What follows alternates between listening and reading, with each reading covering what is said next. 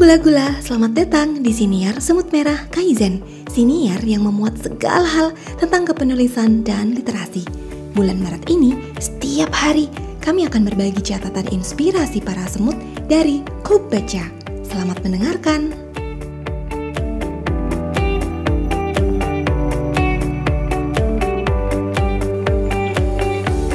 Halo gula-gula, kembali lagi dengan Semut Kino. Kali ini saya pengen mengulas seri buku dari Elena Ferrante yang judulnya adalah The Neapolitan Series. Nah, The Neapolitan Series ini ada empat buku dan jumlah total halaman itu 1800-an lebih halaman lah pokoknya. Nah, karena banyak banget, jadi hari ini saya mengundang salah satu temen dari klub baca sebelah yang bernama Dita. Halo Dita, selamat datang. Terima kasih Kino udah ngundang aku di episode ini. Oh ya, ini sebelum kita masuk ke review, kita kasih sinopsis sedikit dulu deh. Kalau yang gue inget sih, ini ceritanya panjang banget. Tapi pada dasarnya ini bicara tentang persahabatan dua orang, Lenu dan Lila. Aduh, namanya mirip pula. Si Lenu dan Lila ini sobatan dari kecil sampai mereka tua. Ceritanya sih cerita sehari-hari ya sebenarnya ya settingnya ya si Lenu Lila ini lahir tahun 50 di Napoli. Jadi range waktunya dari tahun 50 sampai 2000 sekian gitu lah. Ceritanya latar belakang mereka tuh penuh dengan violence, dengan kekerasan, tapi mereka bisa uh, ya pokoknya bertumbuh lah di dengan latar belakang seperti itu gitu. Nah, sekarang gue mau nanya Dit, kesan pesan lo baca seri ini gimana Dit? Kesan-kesannya adalah awalnya seru tapi setelah 1800 halaman capek karena plotnya banyak banget. Di sisi lain karena itulah gue suka buku ini karena buku ini penuh dengan plot upon plot upon plot. Nggak habis-habis. Di setiap bab itu kayak ada aja kejadian dan juga karakter development yang apa ya perkembangan karakter si Lenu dan Lila ini bener-bener nggak kayak fiksi. Beneran hidup. Bahkan sampai side side karakternya tuh menurut gue kayak oh iya ya menarik banget semuanya. Terus yang gue suka juga adalah ini kayaknya salah sedikit dari buku yang gue baca yang nggak peduli sama sekali sama deskripsi dan setting dan dan lain-lain. Pokoknya plot karakter apa yang ada di pikiran Lenu, apa yang terjadi di Naples, pengaruhnya terhadap tokoh-tokoh di buku ini gitu. Jadi gila kayak drama banget lah. Nggak ada deskripsi, oh langit itu biru, pantai itu ramai dan lalala, itu nggak penting. Yang penting adalah, oh di pantai itu ada lila lagi begini, begini, begini. Tapi di satu pihak jadi si Lionel Ferrante itu nggak nggak sugan-sugan gitu loh, mengeksplor segala perasaan, pemikiran Lenu nggak ada setitik pun yang nggak dia utarakan. Dan menurut gue justru pikiran-pikiran Lenu ini yang sebenarnya sebagai perempuan gue juga merasakan. Yang gak suka itu adalah, jadi menurut gue pemikiran-pemikiran dia itu maju dan perlu dicatat tapi gara-gara kebanyakan plot gue nggak sempet merefleksikan apa itu pikiran-pikiran Lenu dan udah nggak sabar ingin tahu hidupnya gimana lagi nih selanjutnya. Terus hidup Lila terus hidup bapak ibunya gitu. Nggak sempet mikir ya karena terlalu terlalu penasaran dengan aduh terus siapa lah yang lagi selingkuh sama siapa paling gemes itu kayaknya adalah segala percintaan dia sama seonggok makhluk cowok.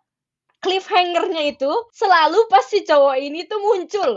Maksudnya kayak hidup dia tuh udah oke, okay. tiba-tiba muncul cowok ini terus wah oh, drama lagi. Oh iya gue lupa tadi memperingatkan. Sorry ya teman-teman kalau ada spoiler. Oh ya satu lagi yang mungkin lupa gue bilang adalah buku ini dari yang buku pertama juga namanya judulnya My Brilliant Friend ya. Jadi emang dari kacamata persahabatan dua cewek. Gak banyak ya buku yang bisa menceritakan persahabatan dua cewek sedalam dan sekompleks itu. Ya antara ada sayang-sayangnya sebagai temen, tapi juga ada kompetisinya, ada kompetisi secara akademis, ada kompetisi depan cowok, kompleks lah dan naik turun banget ya hubungannya mereka tuh. Karakter Lila dan Lenu ini tuh sebenarnya bisa dibilang agak bertolak belakang ya. Jadi si Lenu itu yang rajin dan pinter dan uh, dua karena dua-duanya tuh sama-sama datang dari keluarga ekonomi bawah lah ya bisa dibilang keluarga miskin terus mereka berdua sama-sama apa ya berusaha mencari jalannya sendirilah untuk tanda kutip keluar dari uh, hidup yang mereka tahu gitu. Nah si Lenu tuh keluarnya dengan cara pendidikan. Pokoknya jal jalannya tuh yang lurus-lurus aja lah gitu. Nah kalau si Lila nih kayaknya karakternya tuh lebih meledak-ledak gak sih? Mm-mm, lebih begajulan terus seenaknya kompleks sih menurut gue Lila itu antara pinter dia tuh kayaknya banyak ide tapi mensabotase diri sendiri ya uh -uh, gue keputusan-keputusan Leno itu gue juga akan membuat keputusan seperti itu. Sedangkan keputusan Lila itu nggak nalar, tapi menurut gue itu tetap Lila banget. Manusiawi gitu ya. Gue nggak akan mengambil langkah itu, tapi gue ngerti lah kenapa lo begitu gitu ya. Karena itu emang lo kayak begitu gitu sih. Kita tuh jadinya ngerti dengan karakter Lila yang sangat naik turun ini gitu. Karena emang ada orang yang kayak gitu kali ya. Tapi bukan kita. Tapi bukan kita. kita adalah Lenu.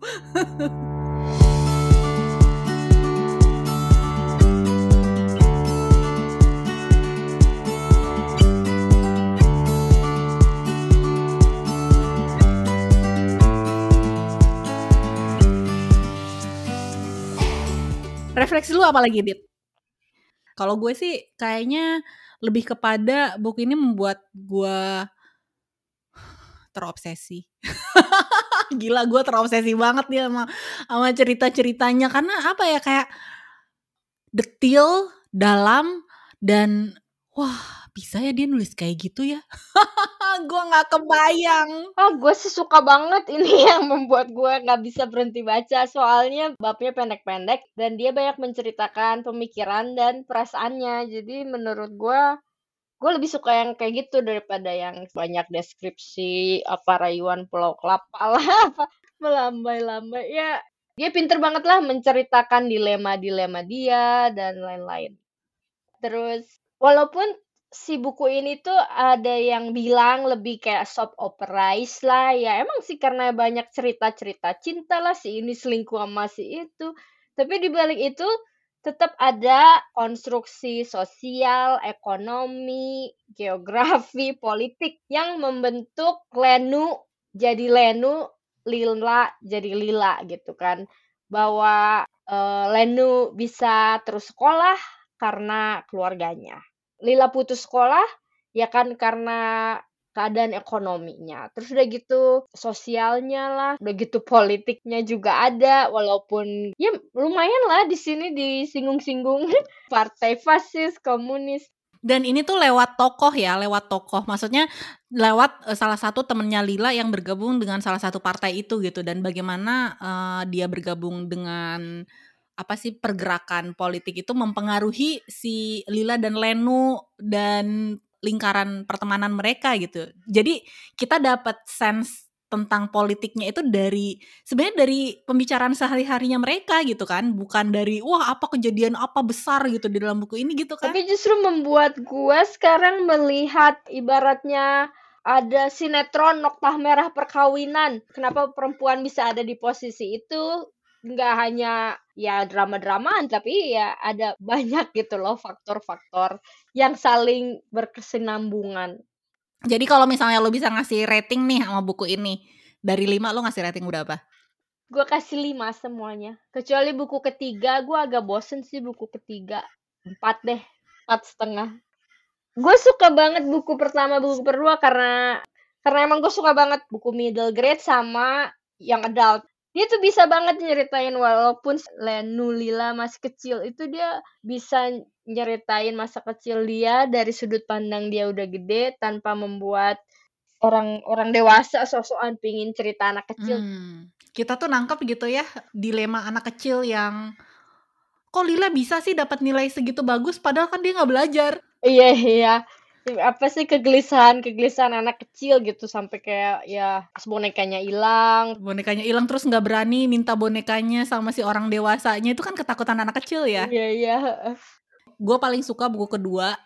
Itu paling juicy menurut gue rating gue mau ngasih ya lima deh. Gue mah perfecto. Gue suka banget buku ini sampai terobsesi gue berhari-hari nggak bisa nggak bisa baca buku lain nggak bisa mikirin hal lain selain kehidupan Lila dan Lenu ini terus kayak baca buku lain tuh kayak aduh kok gini doang ya Ci Iya bener. Terus pas baca satu bab buku lain, kok kurang banyak ini eh, narasi tokoh utamanya. Kok dia banyak ngomongnya sih, banyak dialognya. jadi ini kalau jadi sinetron ini bisa berapa puluh episode men